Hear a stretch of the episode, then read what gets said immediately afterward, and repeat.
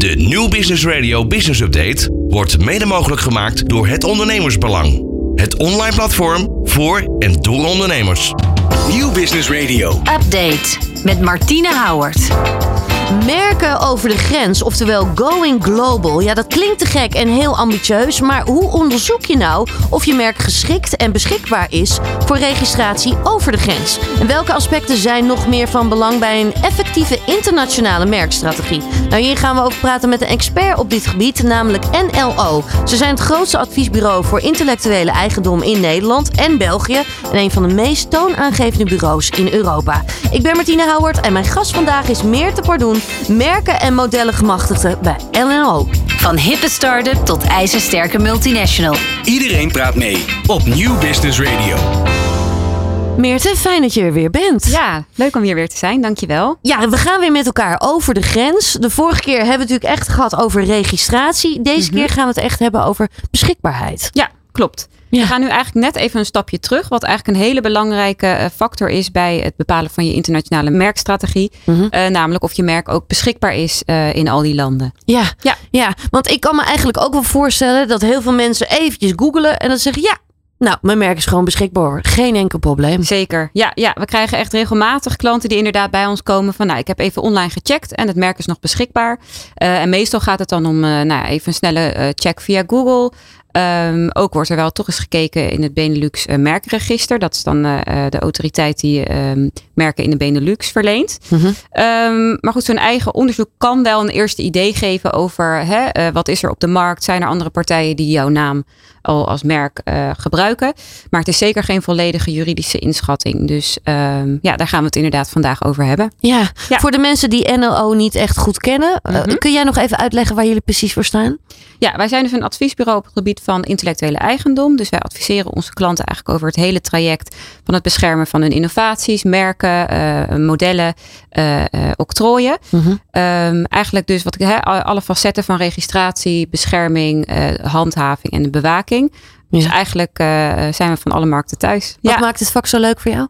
iedere dag is anders. Ieder, iedere klant heeft weer een eigen eh, productfocus. Dus je leert ook heel veel over eh, nou ja, de achtergrond en de commerciële focus van je klanten. Wat ontzettend leuk is om daar aan bij te kunnen dragen. Ja, ja. Ja. mooi vak volgens mij. Zeker, heel erg leuk. het zo hoor. Ja. We gaan het vandaag natuurlijk echt hebben over merken over de grens, maar dan dus juist op het gebied van beschikbaarheid. Hè? Mhm, ja. Ehm, dus als je geld en tijd hebt geïnvesteerd in het bedenken van je merk, is een belangrijke eerste stap om te onderzoeken of dit merk ook beschikbaar is in de landen waar je bescherming wenst.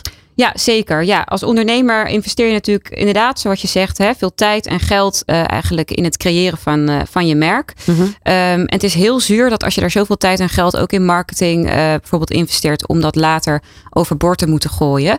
ehm, en je merk aan te moeten passen of helemaal te moeten rebranden. En ehm, nou ja, een hele belangrijke tool om dat zoveel mogelijk te voorkomen. Je kan het nooit 100% uitsluiten, maar in ieder geval als eerste hè, goede inschatting is dus het doen van onderzoek of je merk beschikbaar is Ja. in de landen waar je gaat, eh, gaat registreren. Ja. Ja. ja, en er zijn een aantal dingen die je echt dan kunt onderzoeken wat dat betreft, hè, die belangrijk daarbij zijn. Ja, klopt inderdaad. Ehm, nou ja, de eerste punten waar je eigenlijk aan moet denken is welk merk ga je onderzoeken. Hm. Ehm, in eerdere podcasts ehm, en afleveringen is al naar voren gekomen dat er dus verschillende type merken zijn. Ehm, bijvoorbeeld een woordmerk, maar ook een beeldmerk. Eh, tegenwoordig ook eh, meer niet-traditionele merken, eh, zoals klankmerken en kleurmerken. Ehm, dus eigenlijk ga je eerst vaststellen van, nou ja, wat ga ik precies onderzoeken? Ehm, een woordmerk is, is heel gangbaar om te onderzoeken. Een beeldmerk, daar zijn ook allerlei mogelijkheden voor tegenwoordig. Ook via artificial intelligence, waarbij je dus echt eh, onderzoek kan doen naar bepaalde figuratieve eh, elementen van andere merken. Ja. Ehm, dus dat is eigenlijk de eerste stap. Ehm, ja, vervolgens moet je natuurlijk ook goed gaan kijken, hè, want een merk krijg je voor een bepaalde product- of dienstcategorie. Dat is ook in eerdere eh, podcast naar voren gekomen, dat je dus je merk eigenlijk registreert voor een bepaalde klasse. Ja. Dus je moet echt goed gaan kijken van wat ga ik onderzoeken. Ga je je merk gebruiken voor kleding? Nou, dan ga je het voor kleding onderzoeken, maar ook voor misschien eh, productklassen die daar een beetje mee eh, overlappen. Hm. Ehm, wat ook echt van belang is dat je dus kijkt niet alleen naar waar gebruik ik het nu voor het merk of wat zijn mijn plannen nu, maar ook in de toekomst. Ehm, dus dat zijn eigenlijk verschillende facetten waar je in ieder geval in de eerste stap van wat ga ik precies, wat voor type onderzoek eh, en waar ga ik dat onderzoek verrichten. Dus ook in welke landen wil je bescherming. Ja. Ja, dat zijn eigenlijk wel de drie belangrijkste. Ook wel eventjes om goed te onderzoeken dus. Het merk, producten en diensten en dan dus ook in welke landen. Is Ja. het iets waar, waar veel bedrijven zich al wel bewust van zijn? Of is dit ook wel vaak iets wat, wat, wat nou ja, misschien een beetje een ondergeschoven kindje is? Juist dat onderzoek in het Ja, dat denk ik wel. Het is ook vrij kostbaar om eh, een onderzoek te verrichten. Dus eh, sommige bedrijven kiezen er ook voor om te gaan registreren zonder voorafgaand onderzoek. Mhm. Dat kan in principe. Het is niet verplicht om zo'n onderzoek te verrichten. Eh, maar wat ik eerder zei, het is gewoon heel onwenselijk en, en zuur als je dus je merk eigenlijk moet gaan rebranden. Omdat er in één keer allerlei eh, obstakels eh, eh, op de weg komen. Dus ja, het is denk ik inderdaad wel een ondergeschoven kindje. Ja. Ehm, ja, ik denk dat het toch zeker wel de investering waard is om, eh, hè, om te kijken of je merk beschikbaar is. Ook gewoon om te zien wat is er in de markt, wat speelt er op de markt.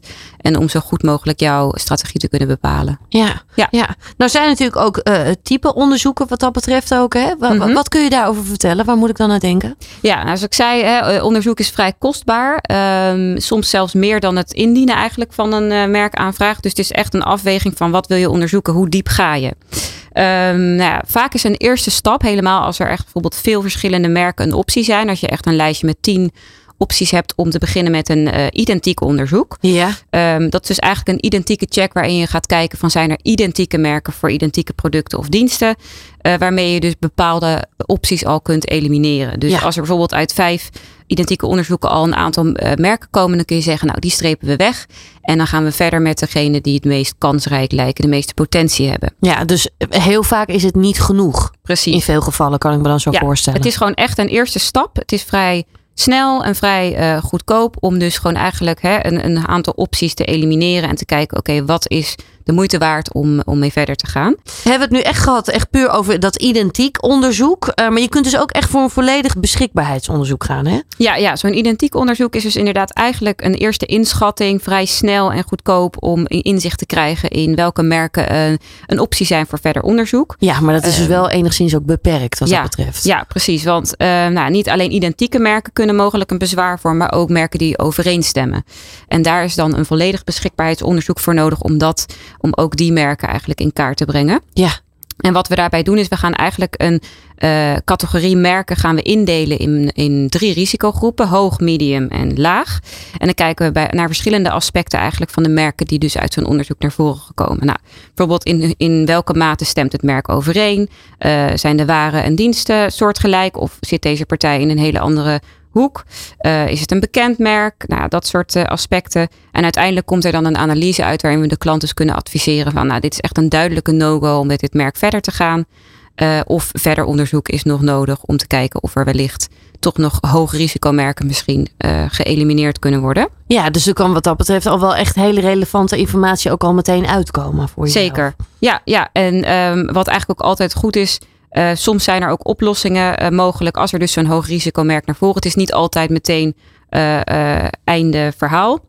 Ja, je kunt bijvoorbeeld contact opnemen met zo'n eh, merkhouder om toestemming te vragen. Of bijvoorbeeld om coexistentie eh, te onderhandelen. Dat je dus als, als merkhouders naast elkaar bestaat en zegt van nou ja, ik bevind me niet in jouw branche en jij niet in die van mij. Mhm. Uh, maar goed, daar zit ook wel weer een keerzijde aan. Want je weet natuurlijk nooit hè, of zo'n partij ook van jouw merk op de hoogte zou zijn geweest als je ze niet had aangeschreven. Dus je maakt misschien slapende honden wakker. Aan de andere kant hebben de meeste grote bedrijven ook een, een merkbewakingsdienst. Waarin ze dus eigenlijk uh, op de hoogte worden gehouden van nieuwe aanvragen. Hm.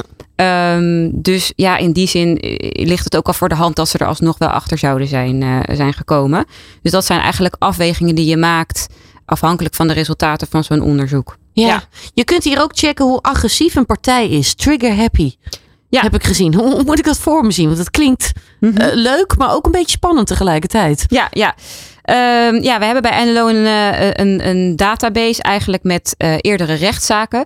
Waarin we dus verschillende data kunnen invoeren om te kijken. Bijvoorbeeld hoeveel zaken worden er door deze partij ingediend. Uh, worden die zaken vaak gewonnen? Zijn er bepaalde interessante invalshoeken die misschien goed zijn voor hè, als dit een zaak zou, zou worden voor, voor een klant? Mhm. Mm -hmm. um, het is echt puur een, een inschatting. Dus het juridische risico wordt er eigenlijk niet mee weggenomen. Maar je kunt iets meer een gevoel krijgen bij de praktische uh, conflictrisico uh, uh, elementen. Een tussenoptie is dan ook nog het knock-out onderzoek. Ja, ja, dat is eigenlijk identiek is, is snel, maar vrij beperkt. Een volledig beschikbaarheidsonderzoek is doorgaans heel kostbaar. Helemaal als je dus echt in veel landen wereldwijd zo'n onderzoek gaat laten instellen. Want dat doen we dan via dat lokale internationale agentennetwerk. Ja.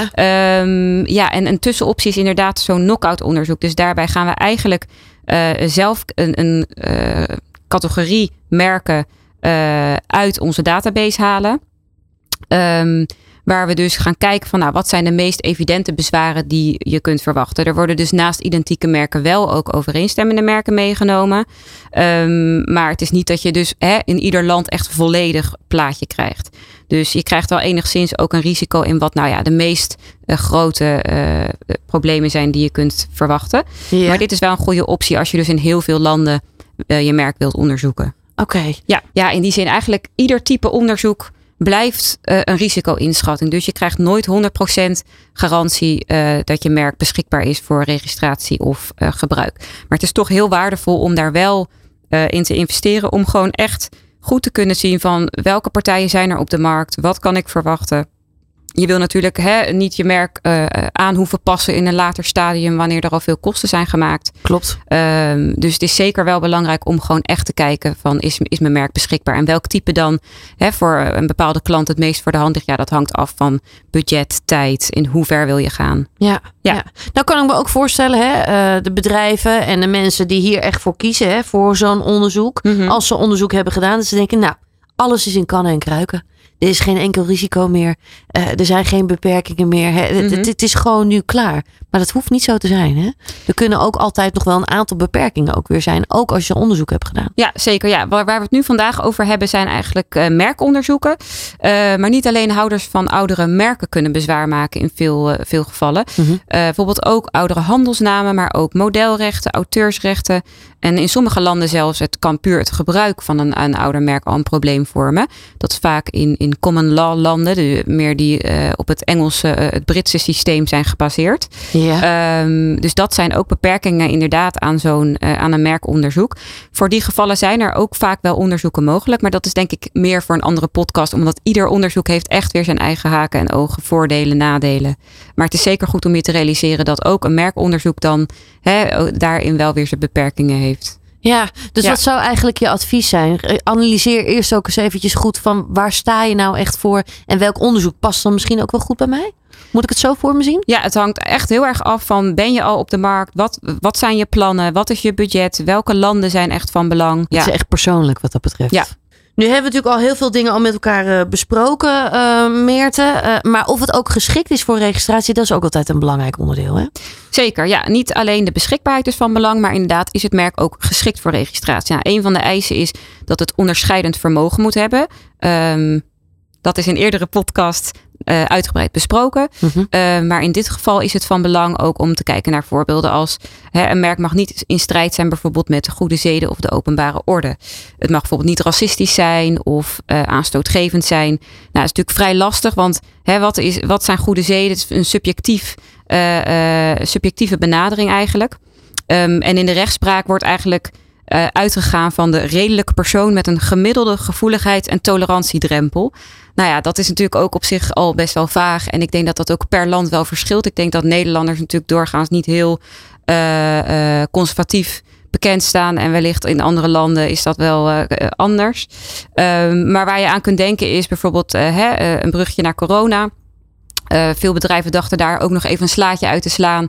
En nou ja, ik ga uh, een merknaam uh, waar COVID of corona in staat claimen.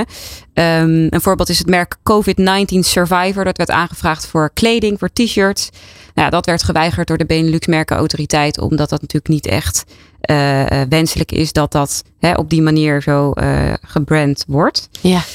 Um, nou, ook praktische aspecten moet je aan denken. Zoals uh, eerder heb aangegeven, moet je een merk dus ook voor bepaalde productklassen gaan aanvragen. En in sommige landen in de wereld zijn er ook echt specifieke regels waar je dan aan moet denken. Dus in bijvoorbeeld islamitische, sommige islamitische landen is het niet toegestaan om alcoholische producten in je omschrijving op te nemen. Hm. Dus dat zijn allemaal dingen eigenlijk waar je ook aan moet denken bij uh, nou ja, het vastleggen van je merk, praktisch gezien. Ja, ja. Ja. Wat zou je tot slot nog mensen mee willen geven die ook nu zitten te luisteren? Dat je denkt, ja, dit is toch echt wel heel belangrijk.